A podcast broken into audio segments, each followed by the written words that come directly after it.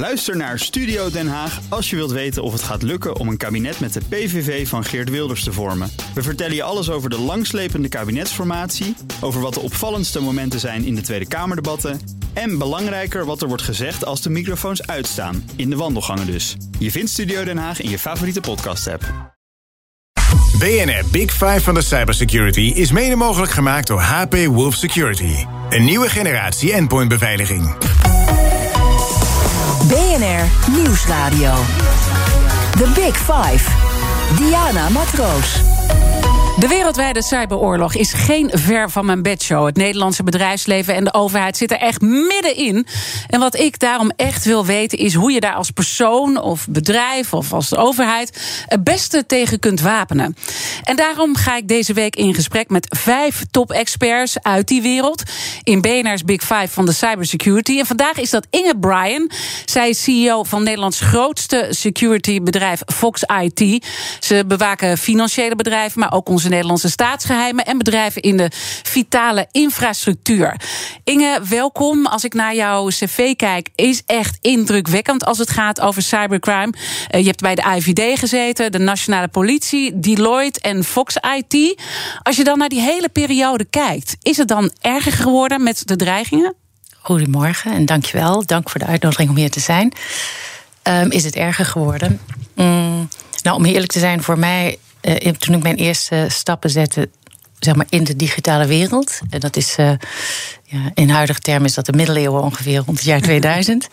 toen, uh, toen vond ik het al ernstig. Dus eigenlijk is voor mij het, het besef toen ontstaan dat er een, een serieus probleem, een sluipend probleem in onze samenleving zit. En dat is de ingebakken onveiligheid in onze digitale systemen. Of eigenlijk het, de toegang die met name statelijke actoren zich verschaffen tot onze systemen. Mm-hmm. Ik zie dat als een ondermijning van onze veiligheid. En voor mij is dat al een realiteit eh, toen ik er voor het eerst ging kijken rond 2000. Dus mijn wereld staat al twintig jaar in brand. En dat is niet erger geworden, maar het is wel meer in het publieke domein gekomen. Dus daardoor, gelukkig maar, zijn meer mensen zich daarvan bewust. We worden een beetje wakker zo langzamerhand. Ja, ja. Uh, maar wat was het moment dat jij, hè, want je zegt ergens heel lang geleden, uh, in, in de middeleeuwen, uh, 2000, gebeurde er iets waarvan je dacht: ik moet hiervoor gaan staan. Wat was dat? Dat was denk ik het besef toen ik daar. Ik werkte toen bij de BVD, nu AIVD, Binnenlandse Veiligheidsdienst. En toen wij uh, ons gingen ontplooien op dat net. Dus activiteiten daarin gingen, uh, op gingen doen. En uh, inlichtingendiensten in Nederland zijn sowieso technisch, technologisch sterk. Dus doen al van alles. en we gingen steeds meer ook naar het internet zelf kijken. En toen ik daar uh, eenmaal goed en wel in zat, toen realiseerde ik me dat er gewoon echt al een presentie was van meerdere staten. Dus dat betekent dat er andere landen bezig zijn om zich een informatiepositie te verwerven, om, om een, een positie te verwerven op dat net, gewoon in ons publieke domein. En voor mij is het internet ons publieke domein. En dat is een uh, voor heel veel mensen is dat lang een soort black box gebleven. Of is dat een ander domein. Maar dat is voor mij gewoon onze wereld waar, waar we om En dat wil je beschermen. En dat doe je dus ja. ook met heel veel vuur. En uh, alles wat ik over jou lees. Je zegt ik heb een shitradar. Die staat altijd uh, ja, aan. Klopt. En bij de politie, toen je daar werkte. toen heb je meteen de inbreker uit de auto getrokken. Begreep ik? Ja, dat was wel grappig. Ja, toen liep ik stage in, in Gouda. Ik mocht toen ik, ik was natuurlijk al een oude, oude taart toen ik naar de politie overstapte vanuit de inlichtingendienst. En ik heb toen, om de politie te leren kennen. Uh, uitgebreid mogen meelopen met heel veel diensten. En sowieso is de openheid en de, de warmte van de politie naar, naar buiten heb ik als heel erg groot ervaren. En uh, ik werd in een uniform gehesen en ik kreeg een aantal trainingen. En toen mocht ik mee met een collega rondlopen in de, de binnenstad in Gouda. En daar inderdaad uh, zagen we iemand inbreken. iemand in een auto inbreken, dus die mochten eruit trekken. En over een, uh, over een hek geklommen bij een inbraakmelding. Waarbij uh, een heel hoog hek was, maar ik ben best lenig, dus ik kon er overheen.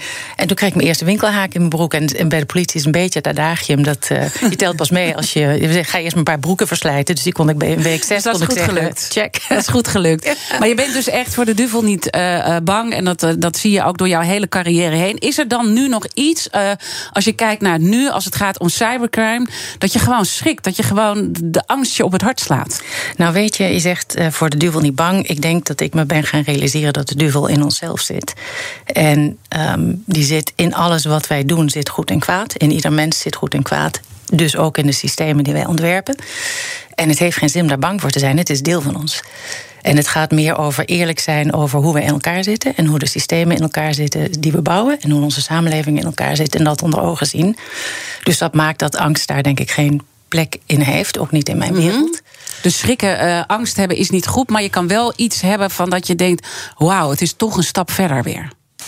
Ja, en dat zie ik in de ontwikkeling. Eh, ik heb natuurlijk de, met name cybercrime uh, ja, van dichtbij kunnen zien ontwikkelen. En dat, daar zie je echt. En dat, ik denk dat de eerste keer dat was.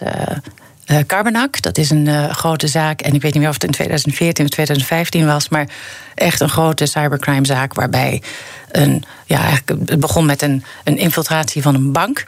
En dat is door een Russische bende gedaan, of in ieder geval een bende, en dat is het typerende aan cybercrime. Het is een, een samenstelling, een, een gelegenheidscoalitie van criminelen. Waarbij zij zich uh, na lange voorbereiding toegang, toegang hadden verschaft tot een bank. En zover in dat systeem zijn gekomen dat ze de besturing van geldautomaten hebben kunnen overnemen, waardoor geldautomaten gingen spuwen. Ik weet niet of je dat nog kan herinneren. Dat is mhm. toen ook in de pers mhm. gekomen. In uh, Wit-Rusland, Oekraïne, een aantal landen zijn toen getroffen daardoor. En die banken die werden één voor één geraakt en leden schade tot aan de 10 miljoen euro ongeveer. En het grappige was dat we toen ontdekten dat dachten we, waarom stopte die bende op dat punt? Blijkt dat daar een soort verzekeringsgrens zat. Dus dat wisten die, wisten die mensen. Maar wat, wat mij toen echt.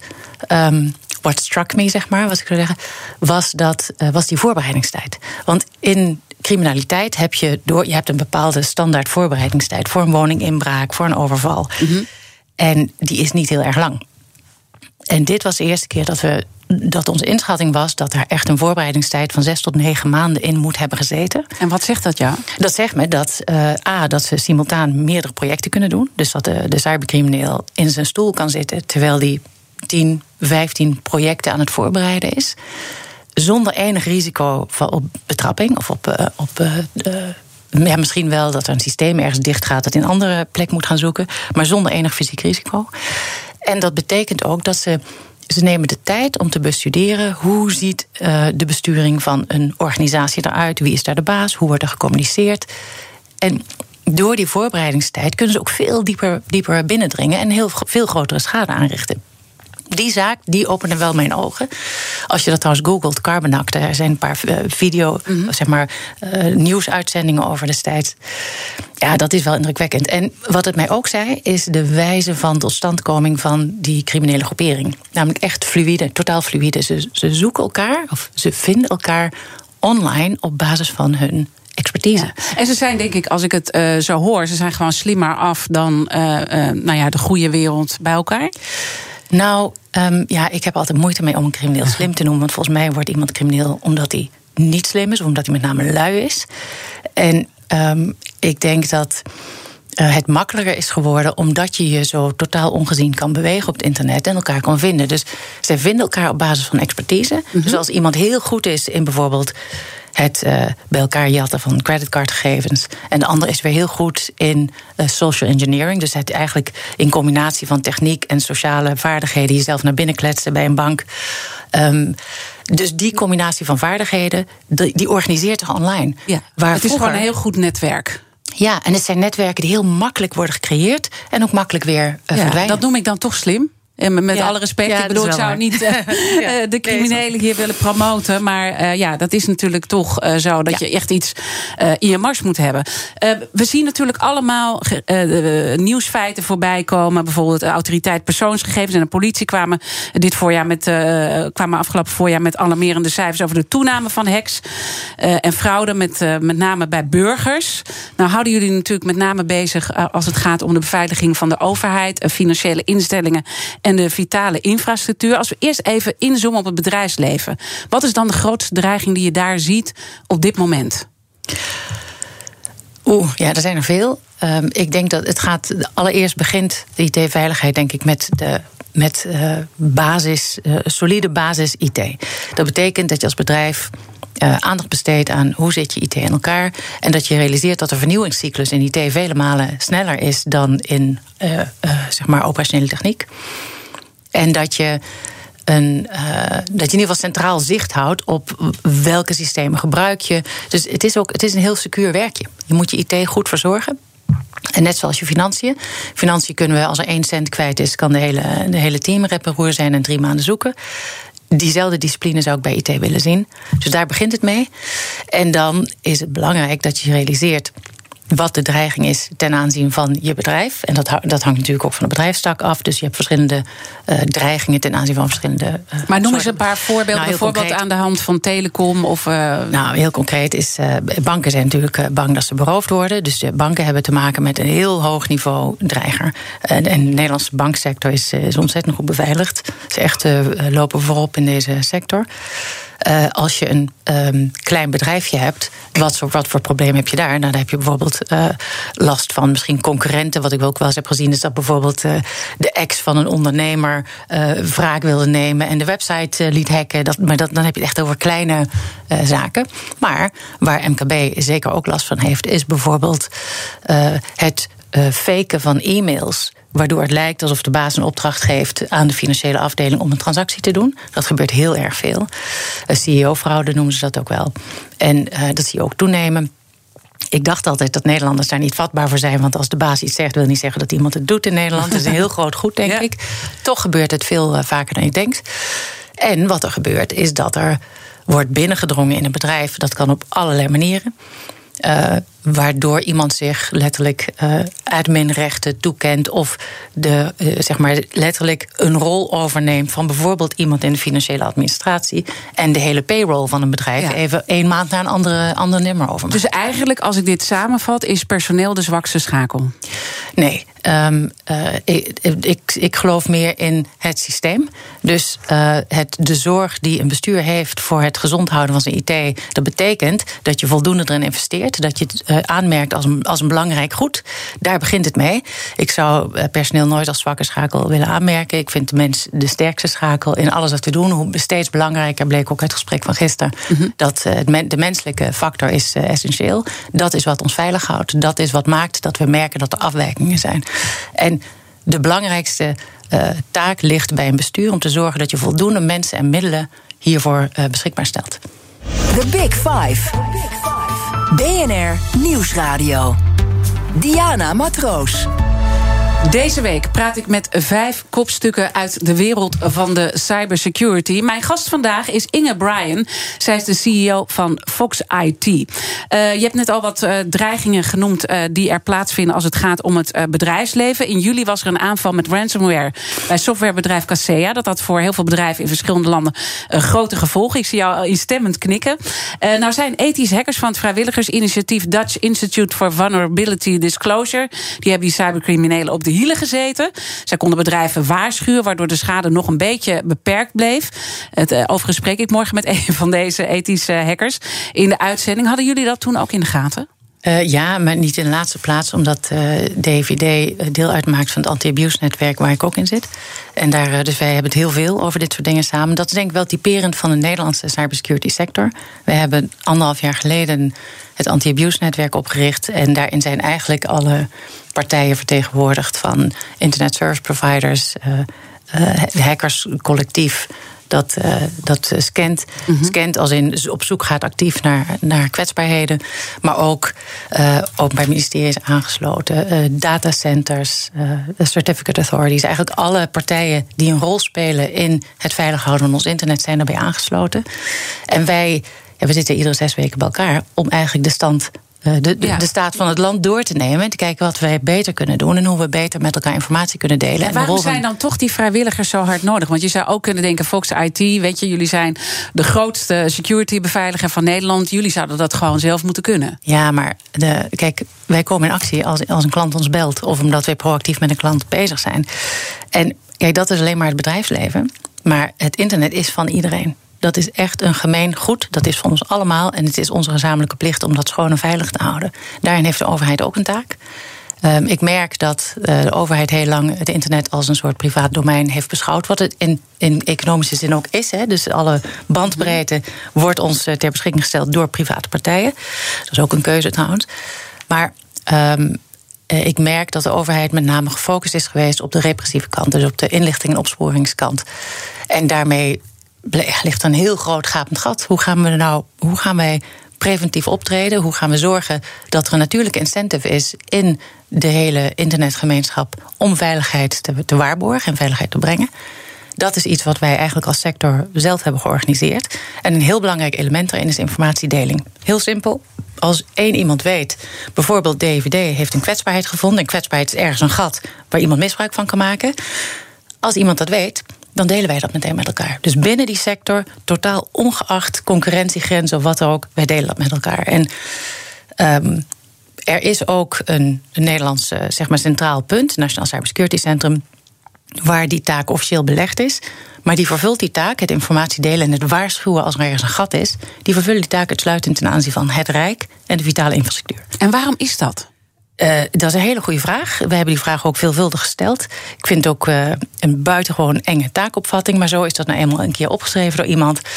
Uh, wij vinden dat, wij zeg ik in de algemeen namens de sector, vinden dat een veel te enge taakopvatting. Want het net, het, het, hele, onze webspace moet voor de hele bevolking veilig worden gehouden. En niet alleen maar voor het Rijk en de vitale infrastructuur. De economische schade is onmetelijk groot en groeiende. Het is destijds een keer vastgesteld op 10 miljard per jaar.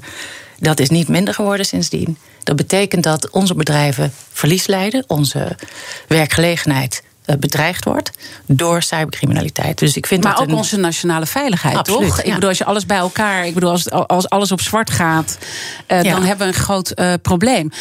Ja, en dat is um, eigenlijk is het zo dat de, zeg maar in de, ja, om maar zo te noemen, de, de, de traditie van veiligheidszorg in de Nederlandse overheid heeft zich erg uh, gericht, niet alleen op het fysieke, maar ook op een soort, uh, nou, wat mij betreft, arbitraire definitie van wat veiligheid is. Voor mij is er helemaal geen onderscheid tussen economie en veiligheid. En als je kijkt naar de overheidsorganisatie, wordt daar een strak onderscheid gemaakt. En een bedreiging van onze werkgelegenheid is uh, wel degelijk een probleem in de nationale veiligheid. En dat is, dat is gewoon disruptief. Dat, mm -hmm. dat is een maatschap, maatschappij ontwrichtend uh, iets. En dus uh, het onderscheid tussen economie en veiligheid, dat merk ik eigenlijk pas begin dit jaar. zie ik dat daar in de overheid beweging zit, dat er eindelijk wat, wat breder naar wordt gekeken. Dat betekent dat je minder segmenteert. Als je kijkt naar de overheidstaken ten aanzien van de digitale wereld, is het totaal gefragmenteerd. Ik wil niet zeggen dat ze niet samenwerken, maar allemaal op een eigen vierkante meter. En zou je dan eigenlijk, uh, zoals je bij corona een corona-dashboard hebt, zou je eigenlijk dan tot een cybersecurity dashboard kunnen komen waarop we allemaal goed kunnen zien hoe het ervoor staat en dat je kan inspringen? Ah, dat, dat beeld wat je schetst, dat is een soort voor mij een soort tropisch palmenstrandje, muziekje erbij, cocktailtje. Dat is echt het droombeeld. Ik zou heel graag zien dat de overheid de informatie die zij aggregeert ook deelt met de bevolking. Gewoon een dashboard ergens inderdaad. Dit zijn de phishing mails die we zien rond waren deze week. Dit is het soort ransomware, de top 1, 2, 3 uh, types die je voorbij ziet gaan. Hier zijn de dreigingen. Ik wil een weerbericht zien. Misschien een mooie kans voor BNR.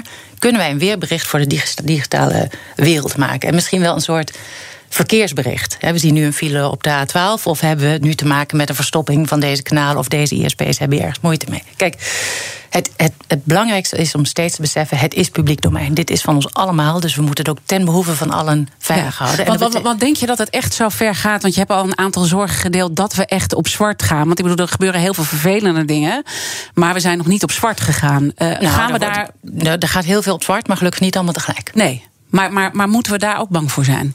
Dat het echt om onze nationale veiligheid gaat? Nou, dan komen we denk ik op een van de belangrijkste uh, kernpunten in het je weerbaar maken tegen een digitale dreiging. En dat is uh, eigenlijk uh, distributie of segmentatie.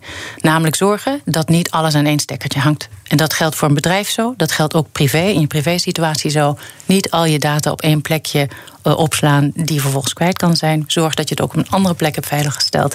En in een bedrijf is het zo, in bedrijfsnetwerken, segmentatie is echt letterlijk van levensbelang. Want dat zorgt ervoor dat als er iemand binnenkomt, mm -hmm. waar je gewoon vandaag de dag vanuit moet gaan dat dat op enig moment gebeurt, dat je dan een verdeling hebt gemaakt intern waardoor een binnendringer niet meteen alles ziet en alles krijgt. En dat geldt voor onze samenleving ook. We hebben een aantal sterke sectoren. Je hebt de energiesector, ik noem net al financiële sector, agri-sector. Je hebt verschillende sectoren die uh, hun eigen netwerken, denk ik, op een adequate manier beveiligen. En uh, het is van belang om te zorgen dat die niet allemaal constant met elkaar verbonden zijn. Dus je moet daar ook een mate van segmentatie in aanbrengen. En dat is in Nederland ook het geval. En in die zin, ja, ik kan me soms ergeren aan onze polder, want de polder vertraagt ons en die zorgt dat ieder compromis eigenlijk een, uh, ja, een, een suboptimale oplossing is. Maar tegelijkertijd is onze polder ook een bescherming, omdat het niet allemaal strak centraal geregeld is. Ja, maar tegelijkertijd hoor ik jouw ergernis hoe het vanuit overheidswegen geregeld is. Je hebt je ook eerder kritisch uitgelaten over Kamerleden. De Kamerleden die nog zijn overgebleven, daar is de kennis toch wel een beetje van onder de maat. Um, nou, de, nee, de Kamerleden die, ervan over, die zijn overgebleven, die, die, die zijn geen specialist hierin. Die zijn gewoon geen, niet, niet erg thuis in de digitale wereld. Er waren een paar in, vorige, in de vorige zitting, zeg maar, best een paar mensen die zich in hebben verdiept. Ik denk dat het lastig is van Nederlandse politiek in het algemeen. Komen we eigenlijk weer op fragmentatie. Zeker nu met het een record aantal partijen in de Tweede Kamer. Dat, uh, uh, dat mensen toch op, op korte termijn, uh, ja, echt korte termijn politieke punten willen scoren. Mm. En de veiligheid van ons digitale domein is echt een zaak van lange adem, van lange structurele oplossingen. En ja, korte, kort politiek gewin zit hier niet in. Sterker nog, ik denk dat er een paar heel impopulaire politieke beslissingen moeten worden genomen. Om echt veiligheid te brengen. Nou, wij moeten heel kritisch kijken naar de grens tussen wat publiek en privaat is. Ik denk dat we dat opnieuw moeten definiëren. Jaren geleden is besloten tot een enorme privatiseringsgolf in de zorg. We zien nu in coronatijd dat die beslissing onder druk staat. Was het wel een wijs besluit? Mm -hmm. Of misschien was het een wijs besluit en is dat nu niet meer adequaat? Hetzelfde geldt voor onze digitale infrastructuur. We hebben drie telecom-providers, netwerkproviders. We hebben natuurlijk veel meer, maar drie netwerkproviders. Die met elkaar uh, concurreren om uh, een 5G-netwerk te bouwen. Alle, alle drie hun eigen netwerk te bouwen. Waarom bouwen ze niet één netwerk waar ze samen op kunnen roamen? Zoals we in de energiesector hebben gedaan. Nee, maar, te, maar tegelijkertijd zeg je, je moet het juist allemaal uit elkaar houden. En je moet niet uh, clusteren, want daarmee. Dus, dus maar dat kan je daar ook... realiseren. Dat kan je daar prima in zo'n groot, uh, groot geheel kan je dat prima realiseren. En het punt is, de vraag is: moet het publiek domein zijn? Of is het oké okay voor ons dat het in private handen ligt? En de vraag is: kan je als overheid adequaat je veiligheidszorg uitoefenen mm -hmm. in privaat domein? Daar is onze overheid van oudsher niet zo goed in. Ook omdat de overheid zegt, dat is de kern van onze democratie, wat privaat is, daar mag je je niet vrij op bewegen als overheid. Dat is ook een heel groot goed. Maar de vraag is dan: hoe groot moet dan dat private of dat, hm. dat publieke domein zijn? En wat, waartoe strekt zich dat publieke domein Dus er moeten moeilijke beslissingen genomen worden. In ieder geval, als jij het allemaal zo beschrijft, dan zou ik zeggen: dit moet op de formatietafel zit, uh, liggen. We weten in ieder geval dat die ja, formatie het niet. heel lang duurt en dat het er niet ligt. Nee. En wat zegt dat jou dan uh, als het gaat om verantwoordelijkheid nemen vanuit de overheid voor burgers en bedrijfsleven? Nou, het zegt mij iets over de, de toegenomen politisering van ons overheidsapparaat, namelijk korte termijn denken. Dus dit is echt. Uh, en, en dat staat op heel gespannen voet met wat er nodig is in digitale veiligheid. Dus ik, zie daar, ik ben daar best wel somber over. Dus ik zie daar ook niet op korte termijn uh, oplossingen in komen. Het zou heel fijn zijn als er heel wijze bewindslieden uh, komen die, die daar. ja, die, die het wel aandurven om langere termijn plannen te maken. En dat, hoe moeilijk dat politiek ook is. En wat zou helpen, en dat, daar pleiten veel mensen altijd voor, is om een soort uh, cybersecurity, een soort Delta-commissaris uh, aan te stellen. Iemand die juist wel die langetermijnvisie erin kan brengen en ook langetermijn budget heeft, waardoor hij, de, hij of zij de mhm. prioriteitsstelling kan doorbreken op verschillende beleidsterreinen. Maar als je dit allemaal zo zegt, neemt de overheid onze nationale veiligheid serieus? Nee, onvoldoende. Oeh, dat was een hard antwoord, hè? Ja. Maar um, uh, ik weet dat uh, de individuele uh, ambtenaren in de veiligheidsketen, dus in defensie, in politie, in IVD, het allemaal buitengewoon serieus nemen. En ze worden te weinig gehoord. IVD roept al tien jaar dat dit een serieus probleem is. En ik zie het nooit. Ik zie, het is ook vorige kabinetsformatie niet op de tafel gekomen. Terwijl dit volgens mij onze grootste bedreiging is van onze economie op dit moment onbegrijpelijk dat het daar niet ligt. En tegelijkertijd, ik begrijp het ook wel, want als je het niet snapt, dan wil je er niet over praten. Er zijn ook allemaal egootjes, bijna allemaal mannen ook, hè, die graag praten over dingen waar ze verstand van hebben. En dingen waar ze mee kunnen scoren. En dit is niet een makkelijk onderwerp wat dat betreft. Ik zie dat wij nog heel veel te bespreken hebben, maar dat gaan we doen na de break. Mijn gast in BNR's Big Five van de cybersecurity is de CEO van Fox IT, Inge Bryan. BNR Nieuwsradio. The Big Five. Diana Matroos. Welkom bij het tweede half uur van BNR's Big Five. Deze week praat ik met vijf kopstukken uit de wereld van de cybersecurity. Later deze week eh, praat ik met Jaya Balou. Zij is de voormalig CISO van KPN. En met Michiel Swinkels, hoofdofficier van Justitie. Belast als het gaat met uh, cybercrime. Mijn gast vandaag is Inge Bryan, CEO bij het grootste Nederlandse beveiligersbedrijf Fox IT. Je hebt je net uh, zeer kritisch uitgelaten als het gaat over de rol die de overheid speelt. De verantwoordelijkheid die zij onvoldoende pakken. Je hebt ook zelf heel lang voor die overheid uh, gewerkt. Is dat moeilijk om dat te zeggen, dat uit te spreken? Nou, nee, eigenlijk niet. Want dit, uh, iedereen in mijn vakgebied zegt dit al jaren. Dus ook binnen de politie weet ik dat toen al de ervaring. Maar goed, geldt voor de hele opsporing. Dat voelt altijd als dweilen met de kraan open. Dus je, je redeneert altijd vanuit de situatie van ondercapaciteit. En in cybercrime zijn alle opsporters het ook wel over eens. Je moet dit centraliseren. En dat staat op gespannen voet met de, de structuur van onze overheid, die is decentraal. En um, dat is gewoon iets wat op dit thema niet werkt. Dat weet iedereen. En ik kan daar ongeduldig en kriegelig over worden. Maar goed, daarom ben ik weggegaan. Of daarom, dat, dat heeft een rol gespeeld in mijn vertrek. En ik zag het, letterlijk de, de cybercrime me echt over de schoenen lopen. En ik realiseerde me, uh, toen zat ik bij de Nationale Recherche, dat wij gewoon deze strijd aan het verliezen waren. En dat heb ik ook in het openbaar gezegd, toen ook. En voor mij heb ik daar de consequentie aan verbonden dat ik uh, ben opgehouden met het dweilen met de kraan open, wat nog steeds heel belangrijk is. Maar ben gaan bouwen aan veiligheid, namelijk naar de private sector, waar de veiligheid iedere dag wordt gebouwd met bloed, zweet en tranen. En heel veel plezier overigens. Mm -hmm. Het is een geweldig leuke sector om in te werken. En dat doen wij uh, samen met de overheid. Zo voelt het ook. Dus ik, ik steun mijn voormalige vakbroeders in die zin. Ik vind dat ze meer gehoord moeten worden. Ik zou daar meer capaciteit in willen zien zitten. En ik begrijp ook en voel ook aan de lijve hoe groot het, uh, het dilemma daar is. Als je moet kiezen tussen een gewelddadige overval of een verkrachting of een cybercrimezaak. Ja, dan gaat de prioriteit vaak naar datgene waar bloed uitloopt. En dat is heel begrijpelijk. Mm -hmm. um, Alleen, en dat, dat is wat ik net ook al aangaf, uh, cybercrime, maar ook de veiligheid van, van onze digitale structuren, dat is een zaak van lange adem. Dat vergt een visie, dat vergt lange termijn investering. En dat is uh, in het korte termijn leven van mensen soms moeilijk te accepteren. En dat zijn, dat zijn gewoon moeilijke beslissingen. En daar is niet iedereen goed in. Dus ik voel me niet. Uh, ja, ik, ik, niet bezwaard. Uh, nee. Je kan gewoon alleen meer betekenen, meer betekenis geven aan dit dossier. Wat, wat jou zo aan het hart gaat op deze plek. Ja, en, en wat ik ook eerder aangaf. Ik weet dat diegenen bij de overheid. Dit is ook niet zo dat, dat ze het niet kunnen of dat er geen kennis zit. Er zit zeer hoogwaardige kennis op dit terrein bij de overheid. In verschillende onderdelen kan zoveel met name noemen. AIVD. MIVD, DCC, politie. Het zijn allemaal drieletterige afkortingen, wel vierletterige. Maar daar zit echt hele goede kennis op dit terrein. En ja, helaas is het gefragmenteerd. Ja. En, en over... het gaat ook over keuzes uh, maken. Als je bijvoorbeeld kijkt naar uh, politie en justitie, hebben die dan de prioriteiten goed liggen? Nou, ik denk dat politie en justitie er goed aan zou doen om het veel verder gaan te centraliseren. Uh, namelijk één centrale intake van alle zaken. En vanuit daar een triage doen. En die dashboard. En waarom hebben wij niet gewoon kunnen live op politie.nl voor m.nl gewoon meekijken naar wat voor soort zaken zijn er? Want dan kunnen wij als cybersecurity bedrijven onze klanten daar beter tegen wapenen. En particulieren kunnen dan ook zien: kijk, als dit soort criminaliteit je treft, dan is dit je handelingsperspectief. Wachten we nog steeds op? Hartstikke goed idee. Um, ja. Ik, een en, belangrijk deel, dus ja. de, de, de, finaliteit uiteindelijk hierin van de opsporing, zit niet in alleen een boef vangen die zit erin in het zichtbaar maken van, het, van de manier waarop dit werkt. En als je dat zichtbaar maakt, kunnen mensen zich daartegen wapenen. En als je dat voor je houdt, ja, dan komen we geen ja, dus, dus één, uh, zichtbaar maken. Maar er gebeurt zoveel op dat uh, vlak. Hè, als het gaat over cybercrime. Het is ontzettend breed. Uh, hoe kijk je dan bijvoorbeeld naar WhatsApp-fraude? Want dat wordt ja, klinkt Ongelooflijk groot dossier. Klinkt vreselijk, maar dat valt, valt niet onder mijn noemer van cybercrime. Het is uh, oplichting en het is, uh, het is de ouderwetse babbeltruc. Er komt iemand aan de deur en die kletst zich naar binnen en die jacht je portemonnee.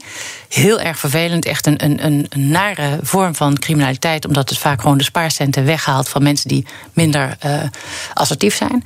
En dat speelt zich nu af in het digitale domein. En daar, dat is bijna, ja, ja, wat ik al zo. Ik, voor mij is het niet eens meer cybercrime. En daar, zou, daar geldt echt. Uh, bewustzijn van de dreiging, hoe ziet het eruit, dat moet veel prominenter naar voren worden gebracht. Want nu vreet dat politiecapaciteit, die volgens mij heel nuttig aan andere zaken. Ja, maar het voelt ook een beetje als de omgekeerde wereld. Want mensen hebben dus, je noemt het al, keihard voor hun centjes gespaard. En het zijn ook niet de minsten die erin trappen. Ik bedoel, uh, iedereen is er gevoelig voor om daar uh, in te trappen uiteindelijk. En we worden wel een beetje wijzer, maar ik ken genoeg voorbeelden van mensen uit mijn omgeving die toch voor de bijl zijn gegaan. Dan moet je toch bij bij, bij politie daarvoor terecht kunnen. Is toch de omgekeerde wereld dat er bij jou ingebroken wordt, dat je geen aangifte kan doen. Ja, maar je wordt niet, er wordt niet ingebroken. Je maakt het zelf over naar iemand die je niet kent. En um, dat net als met, um, ja, hoe zou ik dat zeggen? Um, uh, ja, weet je, de, de, ik denk de meest gebruikte is dat er iemand belt die zegt namens je bank te bellen. En het is heel vervelend, maar uh, er zijn een paar dingen waar je vanuit moet gaan. A, als er iemand druk legt in de communicatie, of het nou via telefoon of via app of via mm -hmm. mail is, dan moet er meteen een alarmbel afgaan. Als iemand zegt: ik, ik heb nu dringend iets nodig, dan moet er al meteen een rood vlaggetje komen. Dit is niet in orde. Dit is niet normaal, zo werkt het niet. Dus uh, die druk al meteen als een signaal zien van dit is niet in de haak. Ja. Maar dat gebeurt is... met alle respect niet bij mensen van 70 plus. Nee, en daar moeten we ze dus voor waarschuwen. En tegelijkertijd uh, kunnen banken hier ook veel meer mee doen. Namelijk het geld overmaken naar een ongebruikelijk uh, nummer. Naar een nummer wat onbekend is. Dan moet er meteen een hele grote banner komen. Sterker nog, ik vind dat je als bank zou moeten zeggen... als dit iemand is van, nou, noem boven de 70 jaar... ik wil, dat is leeftijdsdiscriminatie misschien, nee, maar toch... Maar hè? het is even om het, om het helder te Stel, maken. klant boven de 70 jaar staat nu, uh, zet nu een transactie klaar... voor boven, nou, noem maar op, boven de 100 euro... naar een nummer waar die nooit naar heeft overgemaakt. Waarom staat de bank dat toe? Waarom is het niet standaard in de, in de werkwijze van de bank dat hij diegene even belt? Dus Eén zeg je, uh, bewustzijn bij de burger moet omhoog. Dat is gewoon je eigen verantwoordelijkheid. En anders is het gewoon een beetje dom. Ja. En tegelijkertijd zeg je ook, uh, het bedrijfsleven moet meer verantwoordelijkheid nemen. Banken op dit punt. Maar als jij bijvoorbeeld uh, bij bedrijven uh, binnenloopt of jouw collega's lopen daar rond, zie je dan ook vaak dingen gebeuren dat je denkt dat is wel echt een beetje dom? Ja. noem, eens, noem eens wat. Nou ja, bij de receptie natuurlijk het, het geeltje geplakt op het op het scherm met het wachtwoord, waardoor je uh, in, de, in de receptieomgeving kan inloggen. Uh, dat, uh, dat zie je soms zelfs, zelfs op foto's. dus op sommige foto's inzoomen, op WhatsApp berichten of dingen die je krijgt, zoom ik ook wel eens in. En denk ik, oh, goh, ik zie daar je persoonsgegevens in de hoek liggen. maar weet je wat het is? Um, mensen zijn is wel grappig, er is altijd een grote terughoudendheid als het gaat om uh, gegevens delen met de overheid. Maar gegevens delen met elkaar en met private bedrijven. Ik denk al aan de supermarkten met, een, uh, met bonus, zo alle soorten winkels met bonusprogramma's uh, verzamelen. Echt massa's data, die geven we allemaal gratis weg. We geven ze ook op zodanige wijze weg dat je echt een heel nauwkeurige reconstructie van iemands leven kan maken. Tot en met niveau dat je iemand kan gaan afpersen. Wat dus ook gebeurt. Dus uh, ik zou wel mensen bewust willen maken van welke data deel je nou? Uh, weet je met wat voor platforms je dat deelt? Heb je er afspraken over gemaakt? Ja. Of doe je dat, uh, maar, betaal je daarvoor? Ja, en ik snap wat je zegt. En tegelijkertijd uh, viel ons dan een bericht uh, weer op. Eind vorig jaar was, dat, was er een succesvolle hack bij de gemeente Hof van Twente. Ik had overigens, ik hoop dat niemand beledig, nog nooit van deze gemeente gehoord. Maar door menselijke fout door de systeembeheerder. hij had het wachtwoord veranderd in welkom 2020. En ik, ja, dat is niet slim. Ja, dat, is, dat kan, hè? De systeembeheerder, hè? Ja, ja, maar ja, weet ja. je, het, vervelende is... Kijk, uiteindelijk gaat uh, alle beveiligingsmaatregelen gaan ten koste van gebruikersgemak. Dat is een gegeven. En mensen zijn ongeduldig, willen gewoon snel wat ze krijgen. Dat zie je ook in de bestelcultuur. Het wordt allemaal steeds sneller, sneller, sneller. Mm -hmm. Laagdrempeliger, steeds minder beveiligingsmaatregelen. Omdat de consument nou eenmaal ongeduldig is. En dat geldt ook voor de consument van informatie. Het gebruik van informatiesystemen, daar willen mensen zo min mogelijk drempeltjes in hebben. Ik heb ook een omgeving gezien waar ze omwille van de snelheid maar alle firewalls er tussenuit hadden gerukt. En um, daarmee, weet je, het, het, lastige is, en dat zie je met name bij grotere organisaties, dat vaak aan één kant wordt bepaald hoe de, gebruiker, hoe de gebruikerservaring moet zijn. En iemand anders moet verantwoordelijk zijn voor de veiligheid. Terwijl die dingen echt hand in mm -hmm. hand gaan. Het is een afweging mm -hmm. die je maakt. En de vraag is hoeveel veiligheid wil je opgeven ten behoeve van je gebruikersgemak? En de kunst is om dat een bewuste afweging te maken. Er zijn, wat ik wel interessant vind, bijvoorbeeld nu in de bankensector zie je dat er opties zijn om een tragere bediening te krijgen, waarmee je een hoger veiligheidsniveau krijgt. Dus consumenten kunnen dat kiezen bij sommige banken inmiddels, wat ik een heel mooie ontwikkeling vind. Um, je zou daarbij. Want dat zorgt ook weer voor dat bewustzijn. Hè? Je, je, je, ziet dat en dan kan je zelf een keuze maken uh, hoeveel risico je wil nemen. Uh, maar als je binnen bedrijven kijkt, hè, want er zijn natuurlijk ook heel veel ondernemers die naar ons luisteren, de, de grote bedrijven, uh, moeten die ook toch op een andere manier gedwongen worden om dreiging serieuzer te nemen? Want het gaat uiteindelijk om mensen hun gegevens. Moet je bijvoorbeeld ook een verplichte uh, IT-security-verklaring gaan eisen naast de accountantsverklaring? Dat hoor je wel eens experts zeggen. Nou, Um, ik vind, uh, kijk, als je nadenkt waarom bestaat er überhaupt een accountantsverklaring? De accountantsverklaring zegt iets over de continuïteit van het bedrijf. Zodat je als investeerder met zekerheid iets kan investeren. En dan weet je dat zit oké, want de Nederlandse overheid heeft daar een stempeltje op gezet. Dit is uh, gereguleerd over de continuïteit van het bedrijf. Uh, natuurlijk, financiële gegevens zijn er heel belangrijk in. Maar ik denk dat IT-gegevens minimaal zoveel zeggen over de continuïteit van een bedrijf. Want veel bedrijven worden nu in hun bestaan bedreigd door cyberdreigingen. Dus ik zou dat inderdaad een heel terechte redenering vinden. Maak een soort IT-audit of een, een verklaring over hoe de IT in elkaar zit tot een verplicht nummer. En ik denk, het is niet zo dat ik in die audit dan uh, extreem veel vertrouwen heb. Daar gaat het niet om. Het gaat mhm. erom dat die ondernemer gedwongen wordt om de aandacht aan te besteden.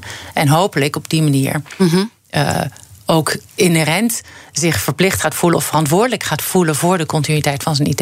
En als je dit doortrekt, meer die verantwoordelijkheid uh, voelen. Wat je nu ziet, dat bedrijven betalen bij een ransomware aanval vaak losgeld aan een hacker om hun data weer terug te krijgen. En dat doen ze met geld wat uiteindelijk weer vergoed wordt door uh, verzekeraars. Lang niet altijd. Lang niet altijd. De verzekeraar wordt kritischer.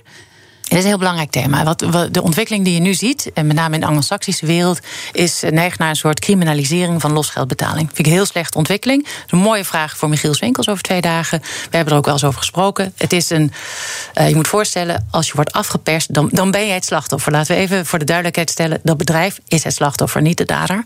En ik vind niet dat je de laatste schoolhal mag wegnemen van een slachtoffer. Vergelijk even, jaren 70 werden veel kinderen ontvoerd. Of veel, dat gebeurde. Rijke families werden kinderen. Of was er een dreiging van kinderontvoering. Kon je je tegen verzekeren. Die verzekering is stervensduur. Terecht, hè? Uh, Natuurlijk is zo'n gezin er allereerst op gebrand om te zorgen dat dat kind niet wordt ontvoerd. En dat is volstrekt helder. Hier mag je er ook van uitgaan dat een ondernemer uh, alles op alles zal zetten om niet geransomd te worden. Want dat is heel slecht voor je reputatie, ongeacht of je verzekerd bent of niet. Dus daar mag je wel van uitgaan. Ik denk dat het verstandig is om het zeker niet te criminaliseren. Om twee redenen. Eén is laatste strohalm. Dat mag gewoon niet. Zo zit onze wereld niet in elkaar. In ieder geval Nederland, gelukkig. Twee is, er moeten natuurlijk incentives zijn voor verzekeraars om eisen te stellen. Dus verzekeraars kunnen bijvoorbeeld de schade aan systemen vergoeden aangerichte ransomware, want je krijgt het systeem niet ongeschonden terug of je kan niet overal op vertrouwen. Of laat daadwerkelijk losgeld. En als verzekeraar zou ik daar een paar forse eisen aan stellen. Namelijk door vergoeden, mits je deze preventieve maatregelen. Want anders hou je het systeem heel in stand. Mensen worden laks. Dan van het wordt toch wel betaald. Een tijdje geleden is in het FD gepubliceerd door een groep wetenschappers. Die stelden de publieke actoren zouden eigenlijk zou verboden moeten worden losgeld te betalen. En verzekeraars zou verboden moeten worden dit te vergoeden. Daar ben ik pertinent mee oneens. Daarmee tonen ze echt aan dat ze zijn losgezongen van de realiteit. We moeten heel scherp voor ogen houden wie is hier het slachtoffer. Die moeten we bijstaan. En de verzekeringsbranche moet een natuurlijke incentive hebben om preventieve maatregelen te doen treffen. Kees Dorrestein. BNR Nieuwsradio. Nieuwsradio. The Big Five. Je luistert, je luistert naar BNR's Big Five van de cybersecurity. Mijn gast is Inge Bryan, CEO van Fox IT. En mijn gasten stellen elkaar vragen via de kettingvraag. Gisteren sprak ik hier met tech trendwatcher Jarno Duursma. En hij refereerde aan een publicatie van Follow the Money onlangs. Uh, want we hebben jou, Inge, ook heel kritisch gehoord over de overheid en alle, uh, nou, over het bedrijfsleven. Maar kritiek uh, komt ook jullie kant op. Daarin werd beschreven hoe Fox IT, moet wel zeggen, tussen 2007 en 2011 aan regimes in het midden Midden-Oosten surveillance software probeerden te verkopen. Die ze tegen hun burgers zouden kunnen gebruiken. Jullie hebben dat ook bevestigd. Maar ook aangegeven dat er nooit tot verkoop is overgegaan. Maar toch had Jarno deze vraag daarbij. Nu las ik een interview met Inge, eh, waarin ze letterlijk zei: het Fox IT van nu is niet meer het Fox IT van toen. En ik ben dan nieuwsgierig hoe heeft die omslag plaatsgevonden? En wanneer heeft die omslag plaatsgevonden? Was dat gelijk nadat ze uh, mensen erachter waren gekomen? Dit soort software wordt aangeboden aan uh, Assad van Syrië. Dat moeten we niet doen. Of is dat pas sinds haar aantreden? En hoe heeft ze dat dan gedaan? Daar ben ik heel nieuwsgierig naar. Nou, dankjewel voor deze vraag. Uh, ik hoop dat we daarna ook uh, er vanaf zijn, want dit is echt meer dan tien jaar geleden. Dus ik, heb, ik vind dat oude koeien het beste gedijen waar ze liggen, namelijk in de sloot. Moeten we ze vooral laten liggen. Het ging hier over een beurs waar uh, destijds mensen van Fox hebben gestaan. Er is, ik, ben, ik heb het natuurlijk uitgezocht naar aanleiding van die publicatie. Er zijn geen goederen of verdiensten geleverd aan uh, regimes van dit soort landen. Ik noem expliciet Syrië, Saudi-Arabië, dat soort landen. Um, er is geen grote omwenteling geweest. Uh, er is nooit aan dat soort landen geleverd. En um, ja, wat heb ik gedaan? Uh, ik heb, ben gaan zitten met de, de mensen die bijvoorbeeld datadiodes verkopen, maar ook met name met de ethische commissie, die al jarenlang bestaat binnen Fox, om te kijken welke criteria hanteren we nu om dingen te leveren. Nou, wij zijn veel strenger dan de overheid. Hè. Van de overheid mogen we alles aan EU-landen leveren, aan een hoop landen. Wij doen dat niet per se. Uh, wij kijken naar. Um, wij, gebruiken gewoon de Freedom House-lijst. Hebben daar een heldere set criteria opgesteld. En wij, wij leveren niet uh, aan mm -hmm. regimes van enge landen. Dat gaan we ook niet doen. Uh, belangrijk is denk ik, wat voor norm stellen we daarmee uh, in de markt. Uh, ik vind het wel belangrijk om te stellen, zoals ik al aangaf. In Nederland heb je gewoon exportcontrole wetgeving. Daar, voldoen we, daar houden we ons ruimschoots aan. En de vraag is: um, uh, hoe gaan we vooruitkijken naar de technologie, bijvoorbeeld die wij bouwen? We hebben natuurlijk cryptografie, maar leveren ook diensten in de instant response, in, in andere. Wij zijn daar heel kritisch in. Ik denk dat we er goed aan zouden doen om daar ook eens een publiek debat over te hebben. In wat is de lijn die onze overheid uh, trekt? Um, mm -hmm. Want nu wordt eigenlijk het risico afgewenteld op het bedrijfsleven. Dus wij zorgen dat we aan de veilige kant blijven. Ja, dus dat, dat is weer die verantwoordelijkheid uh, richting de overheid. Dus je zegt, joh, dit, dit, is, dit zijn oude koeien uit de sloot halen, stop daar een keer mee. Uh, het heeft tot structureel niets geleid. En uh, je, zegt, we zijn heel streng. Uh, toch heb ik ook in publicaties gezien dat je zelf zegt, ik trof een verwaarloosde organisatie aan. En dat is dan toch even waar ik de schrik op het hart krijg. Want dat zijn woorden die uit jouw mond komen. En jullie zijn toch de, de, de beveiliger van, van, de, van de Nederlandse staatsgeheimen. Dat is allemaal van ons ook. Ja, daar, um, dat doelde, daarmee doelde ik meer eigenlijk op, de, op wat ik ook in personele zin aantref. Uh, ik denk dat uh, we, we hebben een aantal structuren hadden we niet heel strak op orde. Uh, de hele HR-functie, goed voor mensen zorgen, een duidelijk carrièrepad, zorgen dat er opleidingsprogramma's liggen, dat soort dingen. Dat was gewoon minder goed op orde. Nou, en de, kijk, op orde, kijk, ik ben misschien een control freak daarin. Ik hou van goede structuren, zodat mensen zien, we weten mm -hmm. waar ze aan toe zijn. Ik hou van transparantie. En um, ja, het was, wat, was gewoon wat rommelig. En dat, ook het uh, feit dat jullie onderdeel zijn van een beursgenoteerd bedrijf. Hè, want jullie hebben een Britse eigenaar, NCC. Uh, dat, dat, dat staat nooit in de weg. Want die moeten nee. natuurlijk ook gewoon winst maken, Integendeel, commercieel. Integendeel, dat is een uh, zeer gestructureerd bedrijf. Dus, dus ik merk dat de, de structurerende kracht... komt ook voor een deel voort uit NCC Group. En die is zeer welkom. Ja. Het zit dus met name in uh, personeel dingen strakker regelen. En dan lijkt me dat toch in jouw wereld een drama. Want uh, techtalent is schaars, horen we altijd. Dus dat moet in jouw business ook zo zijn. Nou, techtalent is inderdaad schaars. Maar gelukkig is de generatie van nu die opgroeit veel meer uh, op zoek naar uh, tech-uitdagingen. En waar ik nu op gebrand ben, is om mensen met name van buiten de security hoek naar ons te halen. Want het is voor ons zaak om de sector te vergroten. Dat is echt belangrijk, omdat we in de cybersecurity sector, als ik nu iedereen bij elkaar optel, die zeg maar waarmee we de, de oorlog kunnen winnen. Uh, ik denk dat ze allemaal in mijn telefoon staan. Dat zijn er niet verschrikkelijk veel in Nederland. Dus we hebben, we hebben echt meer mensen nodig met probleemoplossend vermogen in, in security-termen. Uit en andere branches. Die zullen we zelf moeten opleiden. En dat is ook de belangrijke functie van onze sector en al twintig jaar van Fox, namelijk het opleiden van mensen om de oorlog te winnen. Eén belangrijk punt nog, de kettingvraag morgen. Uh, morgen praat ik met Lennart Oudshoorn, ethisch hacker bij de Dutch Institute for Vulnerability Disclosure, waar we het eerder al over hadden. Wat is je vraag aan hem? Uh, een korte inleiding. Uh, heel veel dank aan DVD voor het werk wat ze hebben gedaan. Niet alleen in Casea, maar ook in bredere zin. Ik weet dat zij echt uh, nou, van een aantal gewoon vijf uur ochtends opstaan, scannen, naar zoeken naar kwetsbaarheden waarmee ze ons allemaal beschermen. Dus alvast dank. Lennart, wat is de impact daarvan op jouw persoonlijke leven?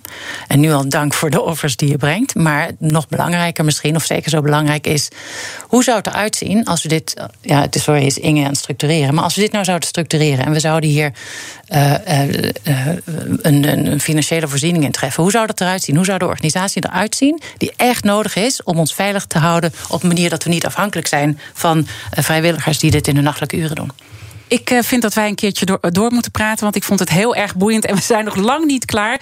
Want ik weet dat jij ook veel persoonlijke offers uh, hebt gegeven voor dit uh, vak. Dank Inge Bryan. Alle afleveringen van BNR's Big Five zijn intussen zoals altijd terug te luisteren. Ook die van mijn collega Art Royakkers. Je vindt de podcast in de BNR-app en op bnr.nl. Maar blijf vooral live. Straks Kees Dorrestein met BNR Breekt. Ik wens je een mooie dag. BNR Big Five van de cybersecurity is mede mogelijk gemaakt door HP Wolf Security. Een nieuwe generatie endpointbeveiliging. Ook Harm Edens vind je in de BNR-app. Je kunt BNR Duurzaam niet alleen live luisteren in de app, maar ook terugluisteren als podcast, zoals al onze podcasts. En naast dat de BNR-app Breaking News meldt, houden we je ook op de hoogte van het laatste zakelijke nieuws. Download nu de gratis BNR-app en blijf scherp.